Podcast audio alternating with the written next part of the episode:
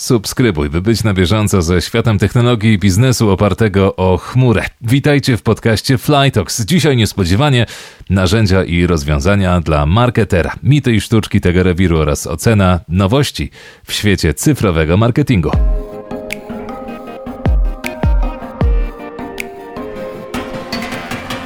Zanim jednak zajmiemy się sprzedażą, marketingiem, ruchem w sieci, to najpierw poznajmy naszego dzisiejszego bohatera, o którym słyszałem, że jak już się rusza, to przynajmniej na kilkanaście albo kilkadziesiąt kilometrów ze sprawą ultramaratonów. I to jeszcze w górskiej odsłonie.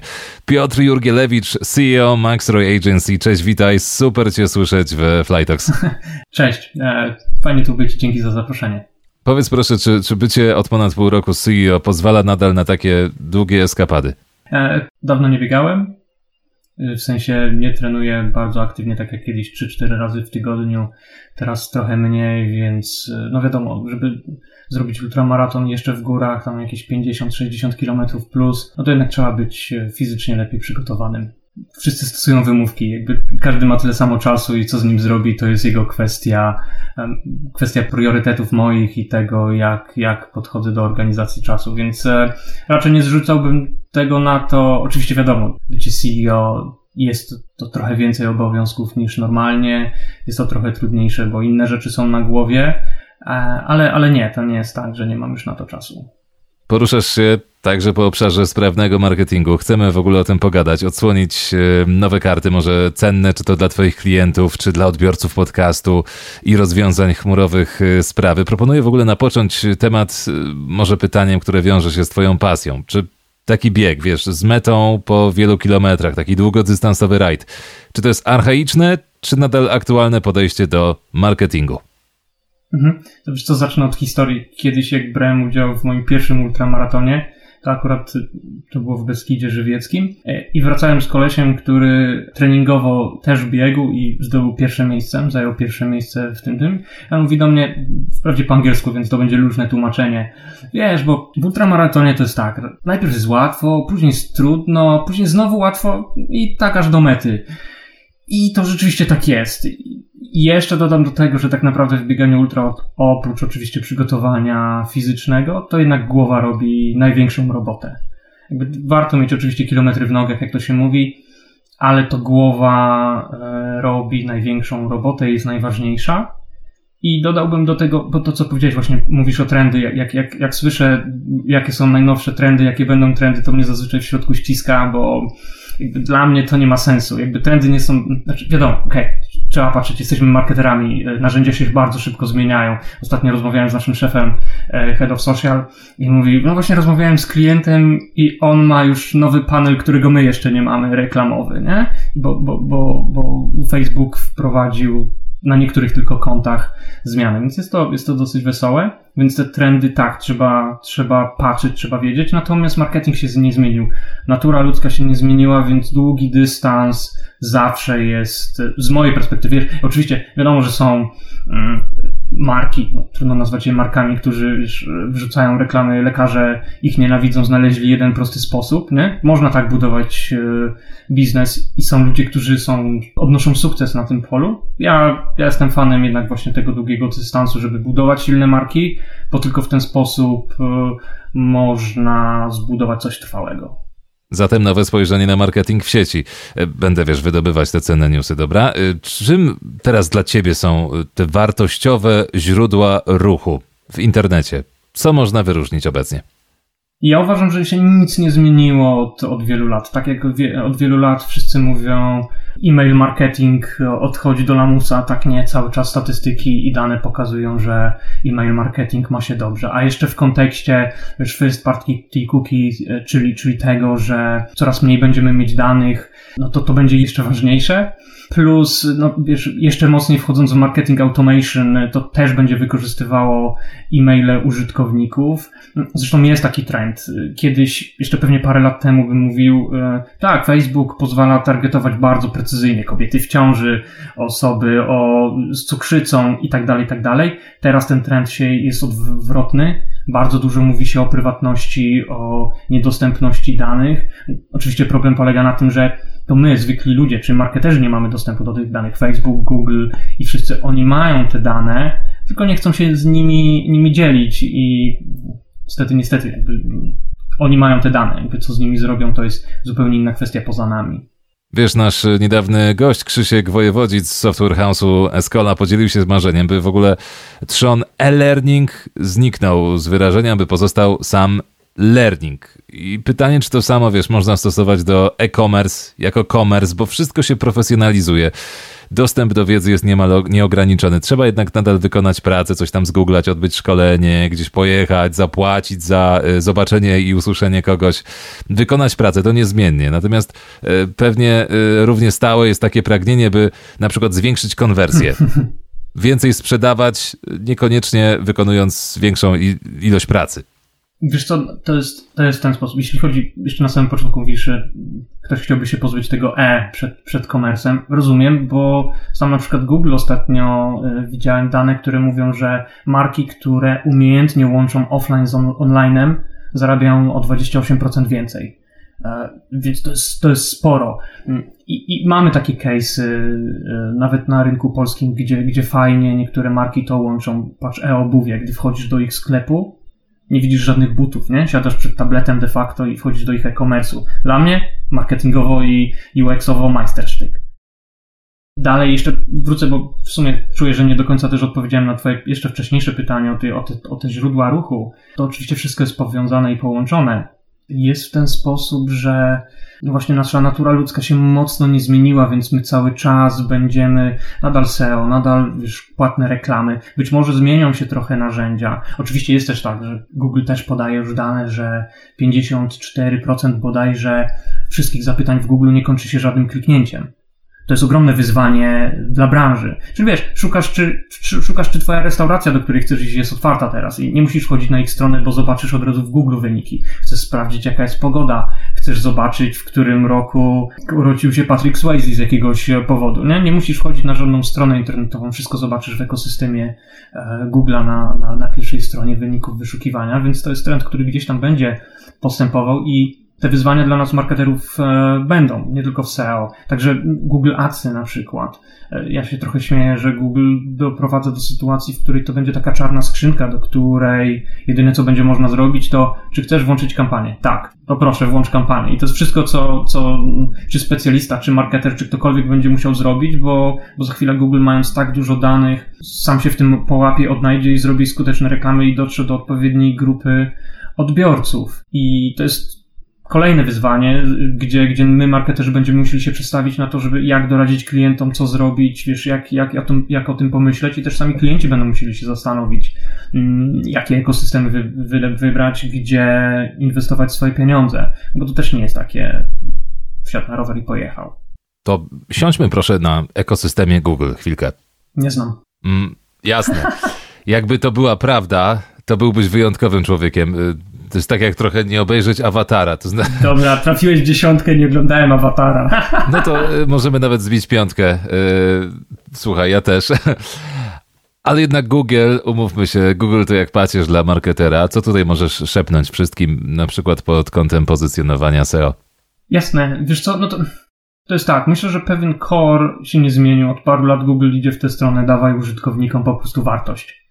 I to jest fajne, to widzimy właśnie w tym marketingu, w tym co powiedziałeś, że teraz wiedza nie jest problemem, bardziej odsianie tej wiedzy czy poświęcenie czasu. Nawet dodałbym jeszcze więcej, że odsianie e, wartościowych informacji od niewartościowych, od tego, co będzie działało u mnie, tak? Bo ja też mogę się mylić. E, inny guru od SEO też będzie się e, mylił, albo posadzimy na kanapie trzech SEOwców i zadamy im jedno pytanie. Oczywiście zaczną od to zależy, ale później każdy z nich może powiedzieć trochę coś innego. Tych wyzwań jest bardzo dużo i oczywiście tak będzie. Mm, natomiast core się nie zmienia. Mm, naszym zdaniem, już oczywiście, bo budujemy sobie tutaj lejki marketingowe, wszystko, wszystko zależy od tego, e, jakie działania nam są potrzebne, co chcemy osiągnąć, w jaki sposób. I, i SEO będzie gdzieś pasowało do różnych rzeczy, tak? Bo bardzo spłaszczając temat, e, jeśli chcemy wejść na awareness, na tę górę lejka, no to wiadomo, że będziemy pisali blogi, wpisy blogowe, jakieś inspiracyjne, poradnikowe i tak dalej, i tak dalej. Nieważne, czy to będzie na naszym blogu, czy, czy wrzucimy to też na YouTube'a mm, i tak dalej e, i tym podobne. Później będziemy optymalizować nasze kategorie, żeby użytkownicy szukając już konkretnego produktu do nas, do nas dotarli. No i to wszystko jest takie mocno, mocno powiązane. Wiesz, ja rzeczywiście widzę, na pewno jest tak, że próg wejścia z mojej perspektywy jest coraz większy, bo e, narzędzia są coraz bardziej skomplikowane, jest ich coraz więcej. Ja kiedyś myślałem, wiesz, e, postawienie parę lat temu sklepu internetowego, postawienie jakiegoś WordPressa na WooCommerce czy czymś podobnym był stosunkowo łatwy. Próg wejścia był naprawdę łatwy. Nie, nie trzeba było dużo zrobić. Natomiast teraz, żeby to wszystko działało, musisz wiesz, mieć silniki rekomendacji, musisz mieć marketing automation. Może spłycam trochę temat, bo nie musisz. Ale jeśli chcesz konkurować z i dużymi, i, i średnimi, to trochę nie masz wyjścia, a to wszystko kosztuje, nie? Więc ten próg wejścia robi się coraz większy, żeby być na bieżąco ze wszystkimi kanałami marketingowymi, czyli ogarniać Facebooka, TikToka, SEO, Google Adsy i jeszcze robić fajne newslettery dla swoich e, odbiorców. To jest naprawdę masa roboty i jest to, jest to naprawdę trudne. Ja to widzę na co dzień, gdy już przychodzą do nas i sklepy internetowe, komersy, i firmy usługowe B2B, B2C bardzo, bardzo różne. I ja na dzień dobry widzę, że na przykład, ok, mają fajny pomysł, znają swoich klientów, ale nie wiedzą, jak klienci szukają w internecie. I, I widzę to już chociażby po strukturze ich kategorii, po strukturze strony internetowej, że ona nie odpowiada temu, czego szuka i w jaki sposób szuka użytkownik. I to już jest wyzwanie. Więc na, sam dzień, na, na, na samym początku to, co musimy zrobić, to właśnie się zastanowić, ok, jak podróżuje klient, czego wasz klient poszukuje, e, jakie są wąskie gardła w tego poszukiwaniu, czego on potrzebuje, jakich informacji również e, potrzebuje na samej stronie internetowej, więc też łączymy UX z SEO, z, z Customer Journey, z potrzebami klienta. No to, to, to jest coraz większa wiedza.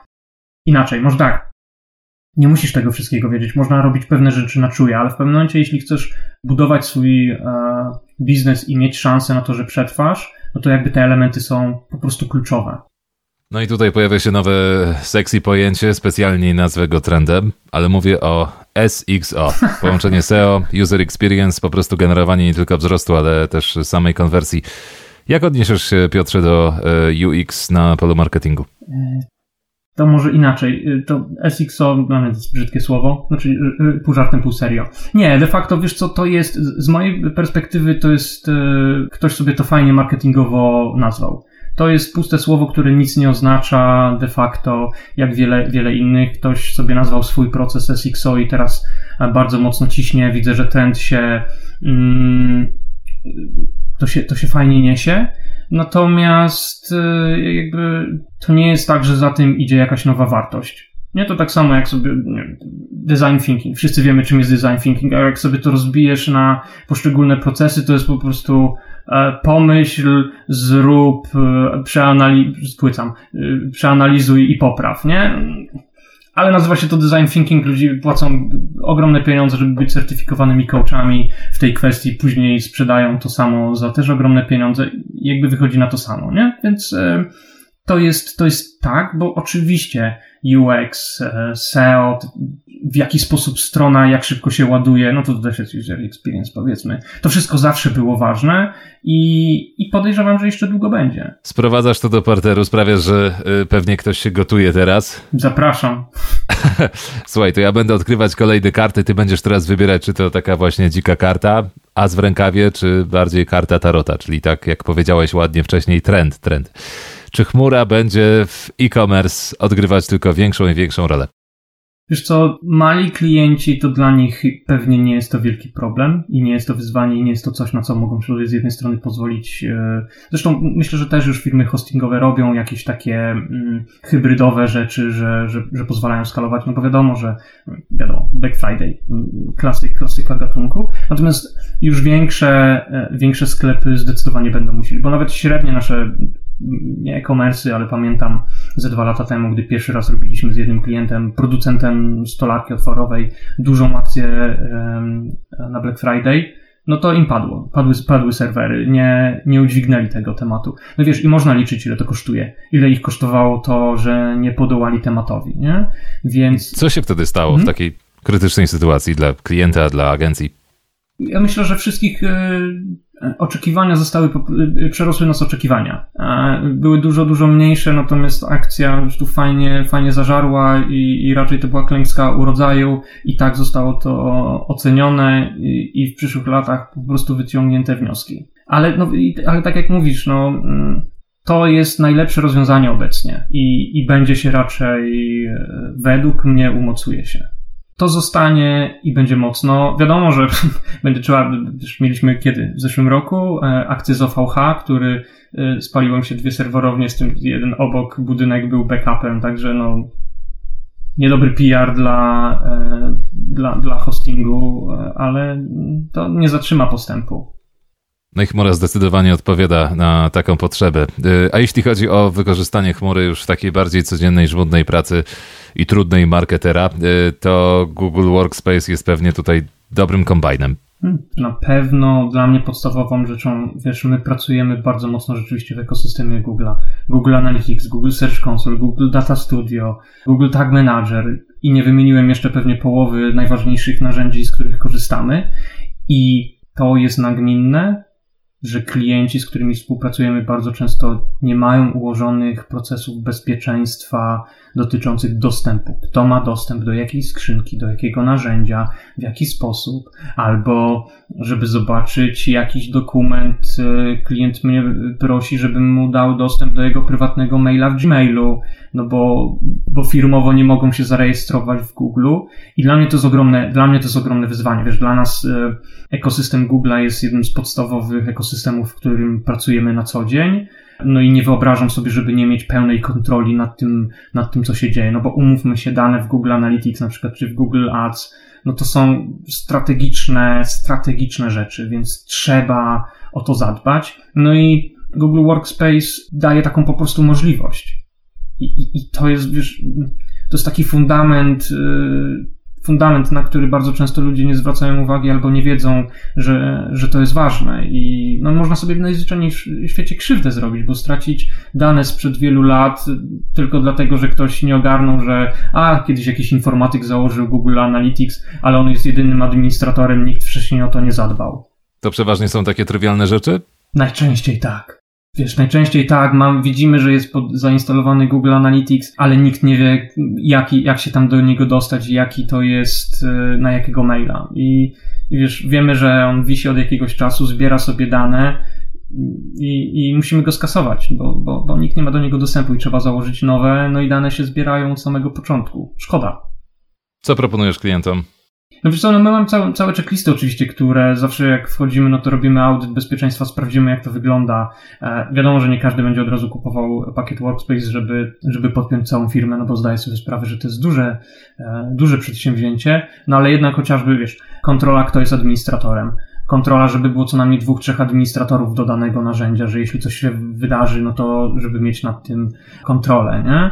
Mm, no i, i, i kilka innych jeszcze takich, takich bardzo prostych rzeczy. No jak się jak, jak widzimy, to jest związane z bezpieczeństwem, a, a cyberbezpieczeństwo jest jeszcze tematem w Polsce i jak na świecie też, też może trochę lepiej, ale, ale nadal słabo, mm, no właśnie problematycznym.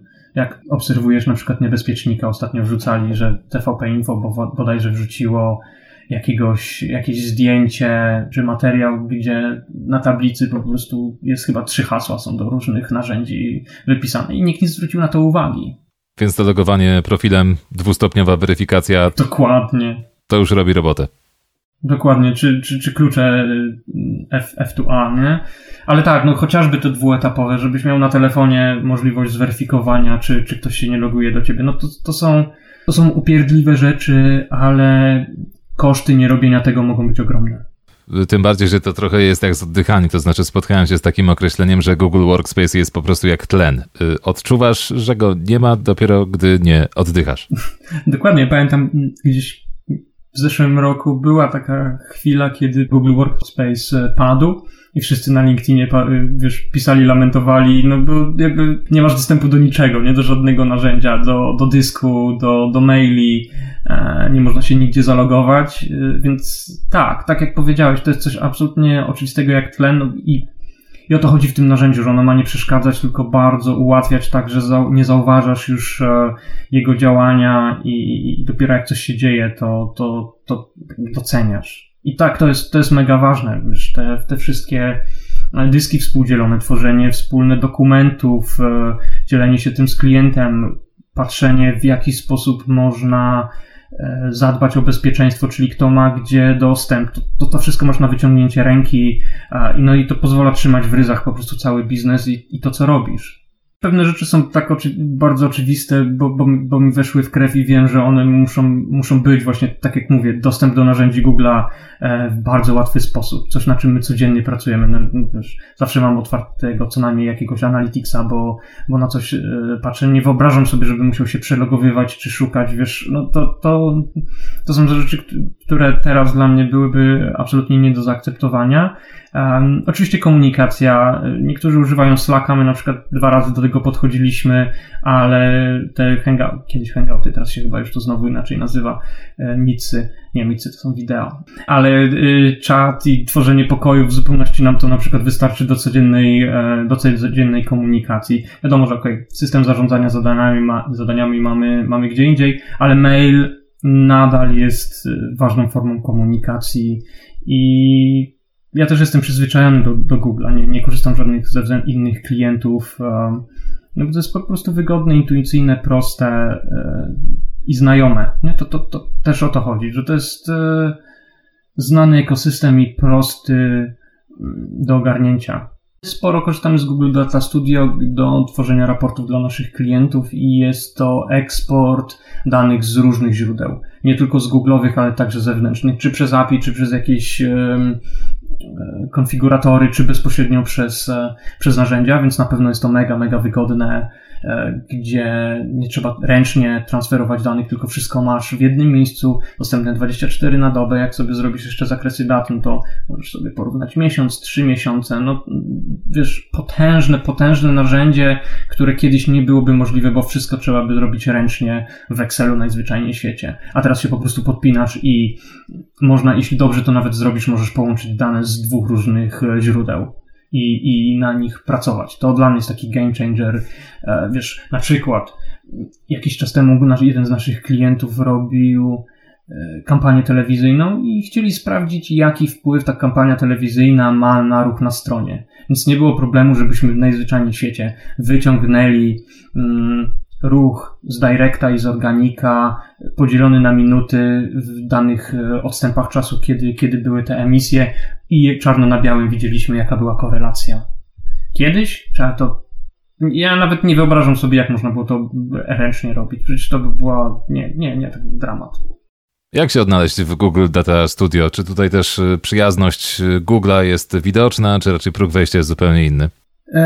Wiesz co, z mojej perspektywy cały ekosystem Google'a, próg wyjścia jest stosunkowo niewielki, ale natomiast jak ze wszystkim, ja bym powiedział easy to learn, hard to master, bo patrząc na te wszystkie narzędzia, to są kombajny. To są ogromne kombajny, które dają ci naprawdę ogromne możliwości i możesz korzystać z podstawowych funkcji, po prostu wyślij maila, odbierz maila, ale z drugiej strony możesz, możesz wykorzystać pełen tego potencjał. I tutaj, wiesz, ja już do bardziej skomplikowanych raportów to nie siadam. Mamy ludzi, którzy są w tym świetni, lubią to, robią to naprawdę dobrze i robią takie rzeczy. I jak czasami już z nimi rozmawiam, co robią, to ja już trochę nie rozumiem, o czym oni do mnie rozmawiają. Ja wiem, jaki jest efekt, to widzę, ale ich poziom wiedzy e, na temat tych narzędzi jest tak duży, tak głęboki. To jest to coś, coś co mówiliśmy, że ten próg wejścia jest coraz trudniejszy. Te analizowanie tony danych, jakie dostajemy i wyciągnięcie z tego czegoś sensownego, to jest, y, no, staje się to coraz trudniejsze. Wiesz, zwłaszcza, że właśnie połączenie na przykład danych, z jednej strony masz Google Analytics, z drugiej strony każde narzędzie reklamowe, czy to Facebook, czy będziesz robił na czymśkolwiek innym, będzie ci pokazywało inne dane i bądź tu mądry. Połącz to i zobacz, czy, e, czy to ma sens, czy te dane ci mówią, wiesz, a nie wchodząc już w temat atrybucji, wiesz, bo w internecie jest taki mit, że można wszystko zmierzyć, no bo coraz mniej można zmierzyć. Okej, okay, to wyobraź, wyobraź sobie taką, jest, jest taki fajny komiks, gdzie idzie sobie człowiek e, po ulicy, widzi billboard butów, później dostaje ulotkę, później widzi jakiś e, w radio jadąc samochodu, samochodem słyszy o tych butach, później patrzy w pracy na desktopie, a ostatecznie klika i kupuje na mobilce. I później sobie siedzi gremium marketerów, Okej, okay, czyli 100% naszej konwersji jest z mobilek, przerzućcie cały budżet na mobilki.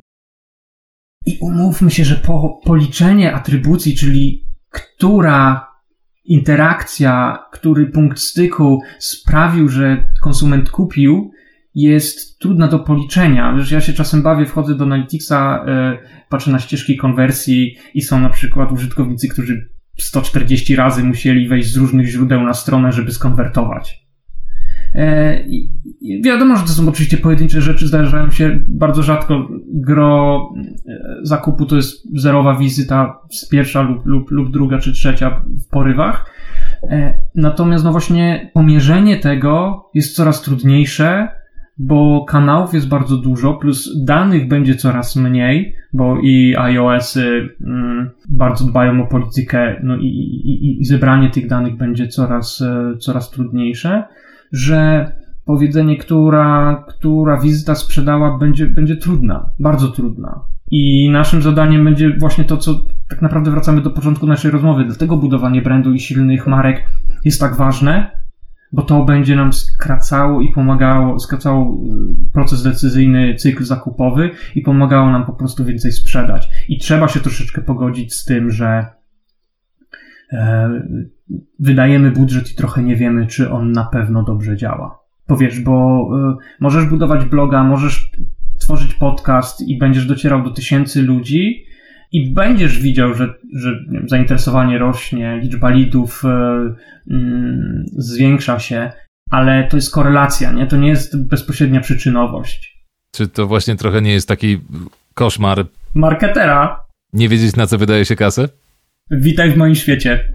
Wiesz, zastanów się, możesz się po prostu zastanowić nad, nad tym, jak ty kupujesz. Wiesz, jak ja na przykład na szkoleniach e, zaczynamy rozmawiać, to właśnie jedno z pierwszych moich pytań. Zastanów się, przypomnij sobie jakieś zakupy, kiedy kupowałeś coś pierwszy raz i to jest bardzo, bardzo różne. Na przykład jeden człowiek mówi, no ja od dawna obserwuję na Facebooku takiego człowieka, którego uważam, że jest fajny koleś, yy, mądre rzeczy opowiada, no i pewnego dnia po prostu wrzucił, hej, słuchajcie, napisałem książkę. No to nie zastanawiając się kupiłem budowanie marki, nie? Z drugiej strony ktoś mówi, no chciałem sobie kupić suszarko-lokówkę, e, popatrzyłam na, mm, w internecie, ale ostatecznie jakiś tam influencer, ktoś tam robił recenzję i to mnie przekonało. Pach. I bądź tu mądry, nie? I rób marketing. Znaczy w sensie, wiesz, oczywiście wiadomo, wiadomo, że to wszystko działa, no bo y, ci wszyscy ludzie, tam influencer czy, czy, czy ten e, profil na Facebooku, oni realizują pewną konkretną strategię i ona działa. Natomiast jeśli chcesz policzyć tak bardzo wymiernie, które działanie przyniosło ci ile pieniędzy, tak jeden do jednego, to ja uważam, że to jest niemożliwe. Bo nawet y, wiesz, w Analyticsie masz na przykład y, modele, modele atrybucji i możesz sobie liczyć po first clicku, czyli pierwsze kliknięcie, pierwsze wejście na stronę dokonało transakcji, nawet jeśli było 10 wejść później na stronę. Jest last click, jest liniowy, jest data driven i każdy będzie pokazywał swoją prawdę. Bo każdy jest prawdziwy, tylko każdy poda, poda troszeczkę inny model. Jak sobie analizujemy to czasem, to rozbieżności są ogromne. Plus jeszcze w ramach ekosystemu samego Google'a, na przykład Google Analytics pokazuje, e, że Google Adsy zorganizowały 100 tysięcy przychodów, a Google Adsy mówią, nie, wcale nie, my zorganizowaliśmy 200 tysięcy przychodów. I, wiesz, i, I każdy z tych narzędzi pokaże, dlaczego tak myśli i co za tym stoi. I można to prześledzić i teoretycznie oba mają rację, bo po prostu inaczej licz, liczą konwersję. Czyli co, sprawdzam sobie na przykład, trywialny przykład, jaką wyciskarkę do soku sobie kupić, robię to w pracy, mm, bo właśnie jest owocowy, cytrusowy czwartek, ale potem kupuję tę wyciskarkę jednak w domu na domowym sprzęcie i ten first click jest zupełnie nietrafiony. Na przykład. Dodatkowo, wiesz, cross-device, e, ciasteczka, adblocki. Polska jest jednym z najbardziej rozwiniętych krajów, jeśli chodzi o używanie adblocków. Wiem, że w pewnym momencie nawet to było, niektórzy sugerowali, trudno mi uwierzyć, że to jest taka liczba, ale być może 34% e, użytkowników w Polsce używa jakiegoś, jakiejś formy adblocka. E, ja tego nie robię świadomie, no bo wiesz, interesuje mnie, lubię wchodzić, wpadać w lejki marketingowe różnych marek. Wchodzę specjalnie, żeby zobaczyć, czy mnie później będą śledziły, jakimi, jakimi reklamami. No, to jest moja praca, ale 34% z mojej perspektywy mega, mega dużo. Czyli co, duża część internetu nie daje się w ogóle reklamom?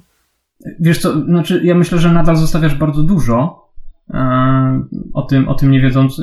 Z tym bym nie walczył, wiesz, bo nadal, nadal jeśli mówimy o marketingu, to chodzi o to, że mamy pokazać, że nasza marka rozwiązuje czyjeś problemy. I to jest to, więc mamy różne inne narzędzia, tak? Wiadomo, no, mówiąc o jakimś takim metapoziomie, e, ten podcast jest też sprzedażą. Jest na górze lejka, ma dotrzeć do jak największej liczby osób, ma zwiększyć świadomość marki. Jedynym KPI-em, jaki możesz to zrobić sobie właśnie, mam zwiększyć liczbę wyświetleń, mam ewentualnie zwiększyć liczbę zaangażowanych e, użytkowników lub na przykład moim celem jest przekierowanie później tych użytkowników stąd nas albo subskrypcję, albo na przykład newsletter. Nie? Można sobie określić takie KPI. -e. A jakby ktoś cię poprosił, no dobra, no to powiedz mi, czy twój podcast sprzedaje? Ja, ja uważam, że nie ma bezpośredniej odpowiedzi. Jakby trudno powiedzieć, na pewno na to wpływa, ale jeśli miałbyś podać jakieś liczby, to tego nie zrobisz, bo on też realizuje trochę inny cel i realizuje go dobrze.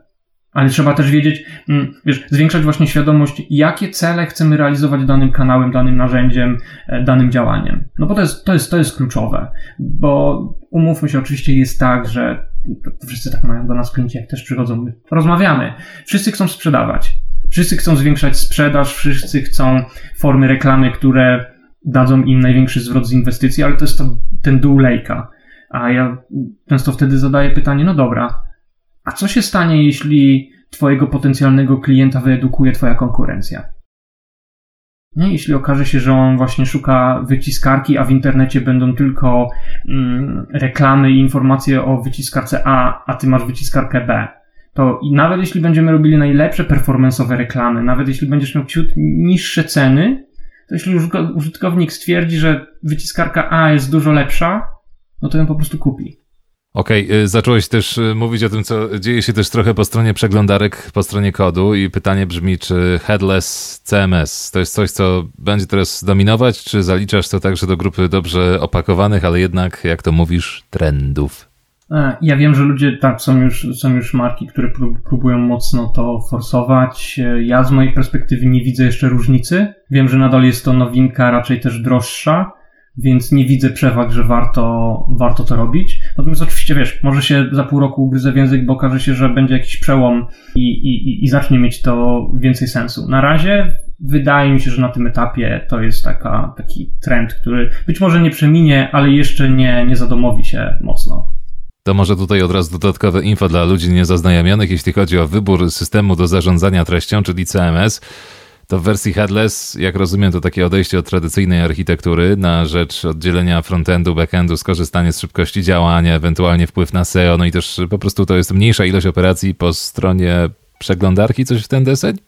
W skrócie, w skrócie tak, no, y, to jest nadal dużo, dużo tam takich buzzwordów i reklamy, no bo niektórzy sugerują, pamiętam byliśmy na, pół roku temu, tak, byłem prelegentem na, na, na konferencji Meet Magento, taka y, fajna polska konferencja właśnie o, o Magento, o tym jak to wygląda, no i, i tam był temat, case, właśnie headless, jak zrobiliśmy, no ludzie się pytają, ok, ale tak naprawdę wyniki, porównanie, czy są dużo lepsze? No nie są. Czy działa to super na SEO? Okazuje się, że to nie jest game changer w żaden sposób. Jeszcze. Więc być może będzie, jeśli technologia się poprawi.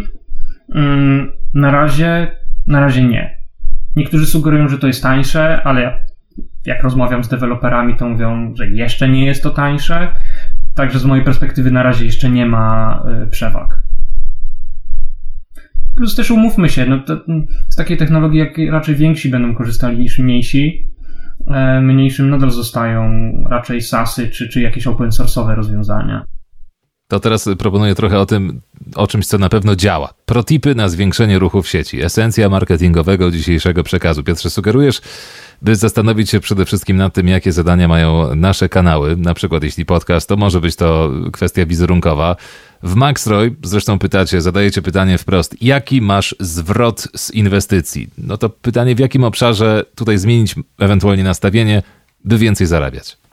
Myślę, że case'ów tu jest bardzo dużo. Co, co klient, co case, to troszeczkę inne podejście, bo wiadomo, że inaczej będziemy działali w, w e-commerce'ach, inaczej, gdzie, gdzie ten, zależy jeszcze jaki jest produkt, tak? Bo jeśli jest prosty lub sezonowy produkt, no to te działania też będą inne. Oderwaniu do działań w B2B, gdzie na przykład proces zakupowy to kilka, kilkanaście miesięcy, nie? To są, to są dwie różne rzeczy. Na pewno warto zdawać sobie sprawę z siły i wartości marketingu internetowego, bo mimo, że internet hula już całkiem nieźle, to jest dużo firm, które cały czas podchodzi trochę jak pies do jeża, jak to się brzydko mówi. I zastanowić się, jakby czego chcę, jakie są moje cele, co możemy, co możemy osiągnąć, bo wiesz, no to znowu wracamy trochę do tej wiedzy. Problem polega na tym, to też bardzo często rozmawiamy, bo ostatecznie wiesz, kto będzie odpowiadał za to, że na przykład strona nie sprzedaje? Czy deweloper, czy agencja marketingowa?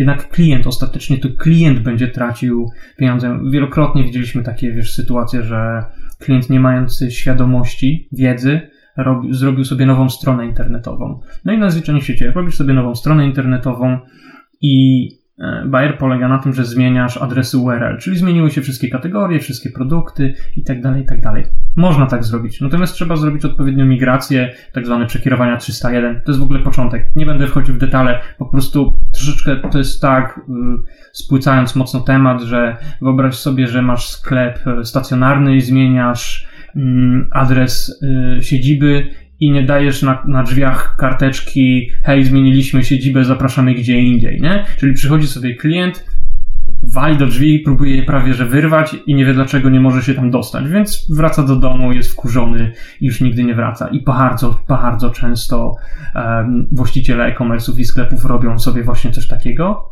bo nie wiedzą. I tu jest problem, jakby, a oczywiście ja sobie zdaję sprawę, że y, wiedza, jaka jest potrzebna, to jest ogromne, y, ogromne pole i to jest naprawdę trudne, więc albo trzeba mieć ludzi wewnątrz, którzy to zrobią, albo mieć kogoś zaufanego, albo samemu w tym siedzieć. Ja bym, ja bym powiedział o czymś takim, że ta świadomość, wiesz, to tak samo jak, nie wiem, prowadzisz działalność gospodarczą i e, możesz mieć zatrudnioną księgową, ale jeśli nie rozróżniasz brutto od netto, albo nie wiesz na jakim jesteś podatku, albo który podatek będzie dla ciebie lepszy, no to sam sobie robisz krzywdę księgowy ci nie jest w stanie w tym pomóc, on może coś podpowiedzieć, ale to ty odpowiadasz za decyzję. I to jest e, duże wyzwanie. Wiesz, dlatego też no my jesteśmy agencją rekomendowaną przez sprawny marketing. E, bardzo dużo naszych specjalistów szkoli. No, robimy co możemy, żeby zwiększać tę świadomość, ale ja zdaję sobie sprawę, że to jest taka kropla w morzu, bo mm, e, tej, ta wiedza zmienia się bardzo szybko, jest jej bardzo dużo E, I właściciele biznesów, nawet mniejszych, ja zdaję sobie sprawę, że oni wiedzą, że marketing jest ważny, ale jak oni mają bieżączkę do zrobienia gaszenia pożarów codziennych, no to zawsze odstawisz to na dalszy plan. A co jest tutaj najtrudniejsze? Mierzenie efektów marketingu, czy jednak na starcie dobór dobrej agencji, e, jeśli możemy zmierzać już ku końcowi? Myślę, że wiedzieć, czego się chce i co można zrobić to najpierw sobie odpowiedzieć na pytanie, jaki biznes ja chcę prowadzić, w jaki sposób chciałbym się komunikować, e, co mam do powiedzenia. Bo jeśli wiesz, co masz do powiedzenia, to ja przyjdę i ci powiem, jak, w jaki sposób to powiedzieć. Oczywiście możemy też pomóc e, i zastanowić się, w jaki sposób się komunikować, bo to też robimy. Natomiast to widać, że mm, marki, które wiedzą, czego chcą i są zbudowane na silnych fundamentach, mają dużo, dużo łatwiej bo pewne rzeczy przychodzą, wiesz, to nie jest, jest zupełnie inna rozmowa, gdy do mnie przychodzi, zrób mi pan, panie, e, marketing, a inaczej, gdy ktoś mi przychodzi, hej, wiemy z grubsza, czym, jacy są nasi klienci, chcemy się w ten sposób komunikować, pomóżcie nam to dopracować.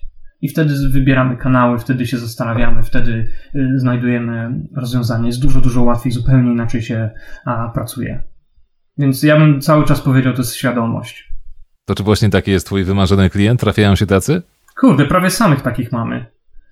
Mm, wiesz co, my lubimy pracować, na pewno no, mamy różnych klientów. Na pewno jest tak, że klient, który jest bardziej świadomy jest lepszy, no bo e, można z nim dyskutować po pewnym czasie, więcej wymaga, ale też e, więcej rozumie i można z nim zrobić więcej. E, jeśli mówimy, co byśmy chcieli zrobić, to łatwiej nam jest rozmawiać dlaczego. Oczywiście mamy też takich klientów, którzy całkowicie oddają nam marketing i my jesteśmy odpowiedzialni za wszystko. i oni chcą zobaczyć wyniki. I to też jest fajne, bo można się kreatywnie wyżyć, bo, bo wtedy mamy dużo wolnej ręki. Oba, oba typy myślę, że tak. Natomiast najważniejsze jest chyba to partnerstwo, e, że ważne jest, żeby to we wszystkich, w każdym, w każdym obszarze, żeby klient miał w swoich w ludziach, z którymi współpracuje, żeby miał partnera. I, I z takimi też nam się najlepiej współpracuje. Nieważne, czy to są nasi klienci, czy też jak współpracujemy z jakimiś dostawcami. To chodzi o to, żeby być, żeby były relacje partnerskie, żebyśmy mogli sobie zaufać, ale oczywiście wymagać od siebie coraz więcej. A naszym partnerem w rozmowie był dzisiaj nieoceniony w świecie marketingu Piotr Jurgielewicz, CEO Maxroy Agency. Bardzo dziękuję Ci za rozmowę. E, rozumiem, że zrobić Ci dzień jeszcze możemy odinstalować adblocki. Nie, wiesz co, ja absolutnie nie namawiam i nie zachęcam, bo mm, będzie i, z jednej strony wesele, i z drugiej strony no, musimy się z tym nauczyć. Musimy, e, bo ja też nie lubię bardzo agresywnych, bardzo nieskutecznych reklam, bo z jakiegoś powodu ludzie instalują tego adblocka. Właśnie dlatego, że ich wkurzają agresywne reklamy, po prostu teraz wchodzisz na stronę, musisz kliknąć cookiesy, później wywalić jeden pop-up, bo nie chcesz się zapisać na newsletter od razu, no bo przecież jeszcze nie wiesz na jakiej jesteś stronie. Później musisz jeszcze podać maila, żeby przeczytać artykuł i tak dalej, i tak dalej. To jest jakby... Mm, ludzie dlatego to robią, bo ich wkurza treść, którą widzą w internecie. Więc dopóki nie będziemy mieć dobrej treści, nie będziemy dawali dobrej, wartościowej treści, to użytkownicy będą się bronić. Kłania się sprawny marketing. Słyszymy się w kolejnym odcinku podcastu Flytox. Dzięki Piotrze. Dzięki za jeszcze raz za zaproszenie.